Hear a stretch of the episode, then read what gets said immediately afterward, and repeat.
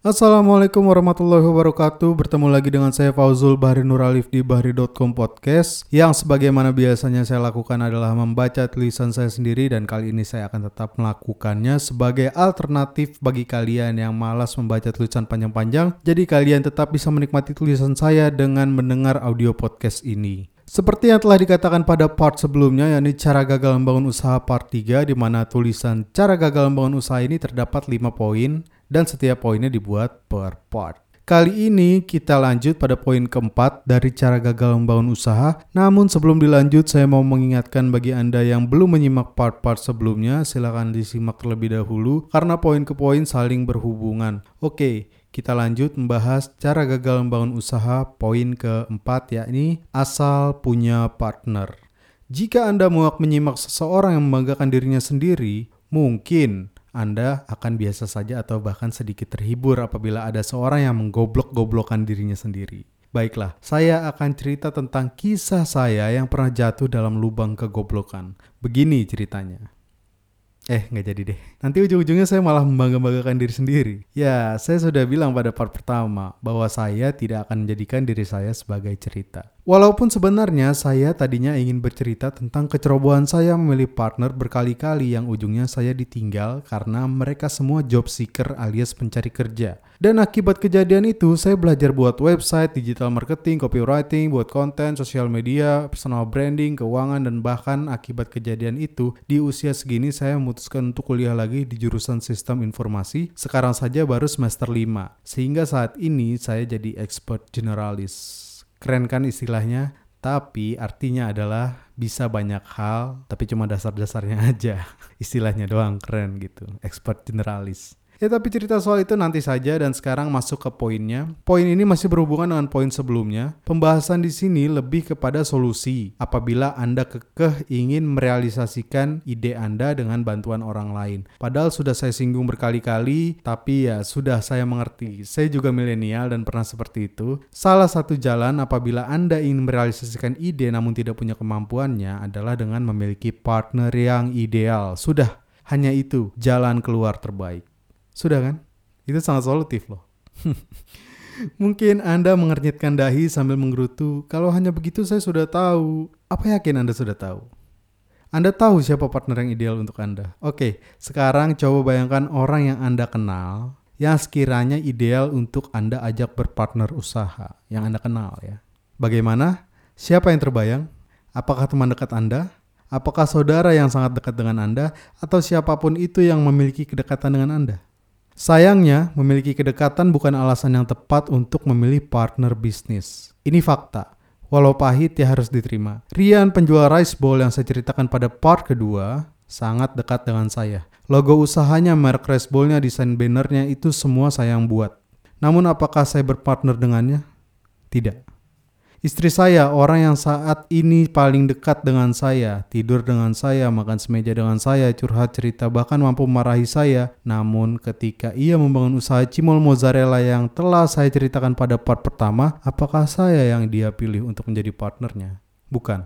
Ia malah memilih anak gadis kelas 2 SMA jurusan Tata Boga sebagai partner usaha cimol mozzarellanya. Ngomong-ngomong, kemarin istri saya baru open PO lagi dan terjual sekitar 50 bungkus lebih mozzarella. Bagi kalian yang mau cobain, bisa dilihat aja langsung di Instagramnya di @youbeli.moza. Oke, kita lanjut ya. Jadi, karena memiliki kedekatan emosional bukan berarti bisa menjadi alasan yang tepat untuk berpartner dalam usaha. Karena memang begitu faktanya. Ada banyak sekali pertimbangan dalam memilih partner yang ideal. Bahkan kesamaan visi saja tidaklah cukup. Hal ini menjadi cara yang paling mudah untuk menggagalkan usaha, yakni adalah asal-asalan dalam memilih partner. Hanya karena orang itu dekat, hanya karena orang itu nyambung ketika diajak ngobrol tentang ide, atau mungkin hanya karena orang tersebut berkontribusi menyumbang saran dan sumbang ide, apakah itu cukup menjadi alasan bahwa mereka adalah partner ideal dalam usaha Anda? Tentu Anda sudah tahu bahwa jawaban yang akan saya sampaikan adalah tidak. Bahkan lebih parah lagi ketika Anda menjadikan mereka partner bisnis hanya karena alasan-alasan tersebut, itu namanya Anda asal-asalan ketika memilih partner. Asal punya partner. Padahal belum tentu mereka berguna bagi usaha Anda. Bisa jadi yang sebenarnya Anda butuh dari mereka hanyalah dukungan sehingga dapat menguatkan mental dan psikis Anda untuk membangun usaha. Dan bisa jadi peran mereka justru tidak Anda butuhkan sampai pada berkontribusi akan usaha yang mau Anda jalankan. Mereka-mereka yang saya sebut di atas dapat menjadi partner yang ideal bagi usaha Anda hanya apabila mereka memiliki hal-hal seperti yang akan saya sebutkan setelah ini. Jika kurang satu saja dari hal yang akan saya jabarkan selanjutnya, maka mereka bukan partner ideal. Ingat itu ya. Oke, berikut ini ciri partner ideal. Yang pertama adalah mampu menerima dan mengelola resiko. Inilah alasan kenapa saya bilang saya ceroboh ketika memilih partner yang jiwanya job seeker atau pencari kerja. Hampir semua yang berjiwa job seeker tidak akan pernah mampu menerima ketidakpastian. Yang mereka ingin adalah penghasilan yang pasti atau gaji. Sedangkan usaha rintisan dapat dipastikan akan sangat akrab dengan ketidakpastian dan ketidakstabilan. Yang namanya usaha, apalagi usaha rintisan, akan selalu memiliki potensi rugi, tidak profit, sepi penjualan, owner harus berkorban uang pribadi untuk usaha agar survive, tutup, bahkan bangkrut. Itu semua terdapat pada usaha. Apakah job seeker mampu menerima itu? Saya rasa tidak. Angka gaji turun saja mungkin mereka akan teriak, mengeluh, mencari kesempatan lain yang mereka anggap hasilnya lebih pasti. Berpartnerlah dengan orang yang jiwanya pengusaha juga. Jadi keduanya sama-sama harus siap babak belur di awal-awal membangun usaha serta siap dengan segala resiko yang ada. Ciri yang kedua adalah melengkapi kompetensi. Partner ideal bukanlah mereka yang memiliki kemampuan yang sama bahkan beririsan. Adanya dua orang dengan kemampuan memasak yang memutuskan berpartner untuk membuat usaha kuliner tidak akan jalan tanpa adanya yang memiliki kemampuan pemasaran. Istri saya dan si Bimbi yang saya ceritakan pada artikel cara gagal membangun usaha part pertama, memang keduanya bisa memasak. Tapi itu tidak cukup. Tanpa kemampuan pemasaran yang dimiliki istri saya, cimol mozzarella hanya akan dibuat untuk saya cemili. Mereka berdua pun siap dengan ketidakpastian dan ketidakstabilan. Istri saya masih dapat jatah nafkah ekonomi dari saya. Si Bimbi masih tanggung jawab orang tuanya. Ketika mereka buka PO dan sedang sepi pembeli pun, mereka tinggal lanjut ngobrol sambil nyemil cemilan kekinian yang lagi hits. Contoh lagi misalnya dua orang dengan keahlian yang terkesan berbeda. Yang satu ahli dalam Facebook Ads, yang satu ahli dalam Google AdWords. Ketika mereka berpartner untuk membuat usaha berbasis digital, tidak akan jalan tanpa adanya keahlian programmer.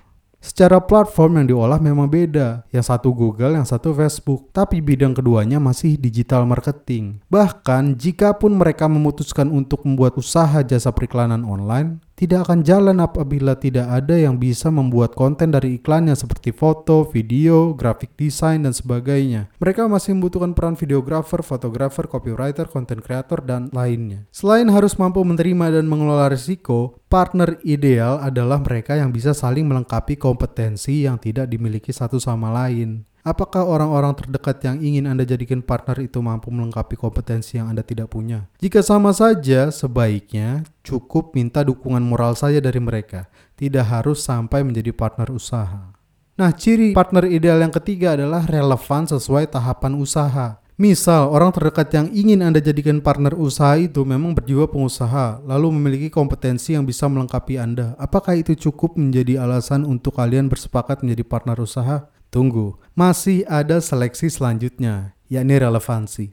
Lihat posisi Anda sedang ada di tahapan mana. Apakah sedang dalam tahap membangun produk awal? Jika Anda seorang ahli dalam pemasaran, Anda belum butuh sahabat Anda yang memiliki kompetensi di bidang akunting untuk membuat rendang kemasan sebagai partner.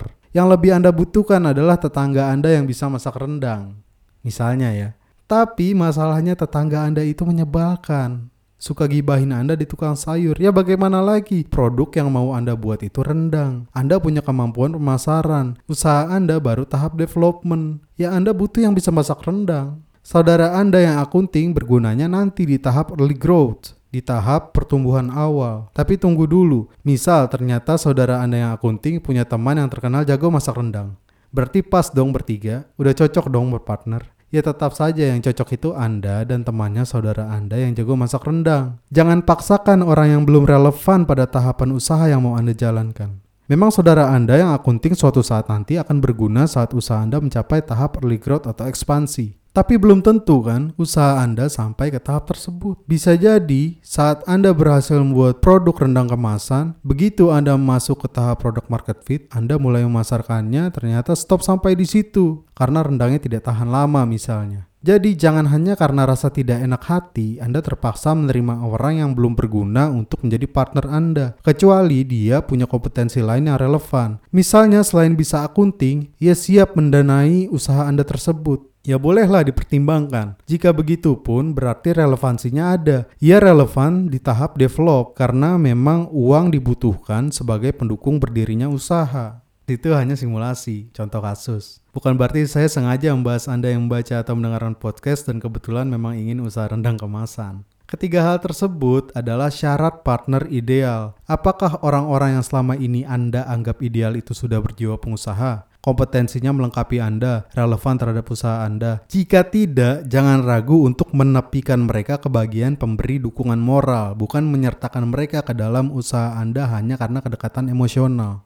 Bagaimana? Sulit kan mencari partner bisnis ideal? Beruntung sekali istri saya bisa menemukan Bimbi sebagai partner usaha Cimol Mozzarella. Ya benar, beruntung. Karena mencari partner bisnis yang ideal itu sama dengan mencari keberuntungan. Semoga suatu saat nanti Anda beruntung. Jika belum sendiri dulu tidak masalah. Percayalah, jualan kopi keliling dengan sepeda itu tidak butuh partner dan hasilnya juga lumayan. Loh kok gitu? Oke sekian dulu Bahri.com podcast kali ini cara gagal membangun usaha part 4 di mana kita tadi membahas asal punya partner. Lanjut nanti ke part 5 atau poin kelima adalah cuek finansial. Oke, sampai jumpa di part kelima. Saya Fauzul Bahri Nur Alif. Assalamualaikum warahmatullahi wabarakatuh.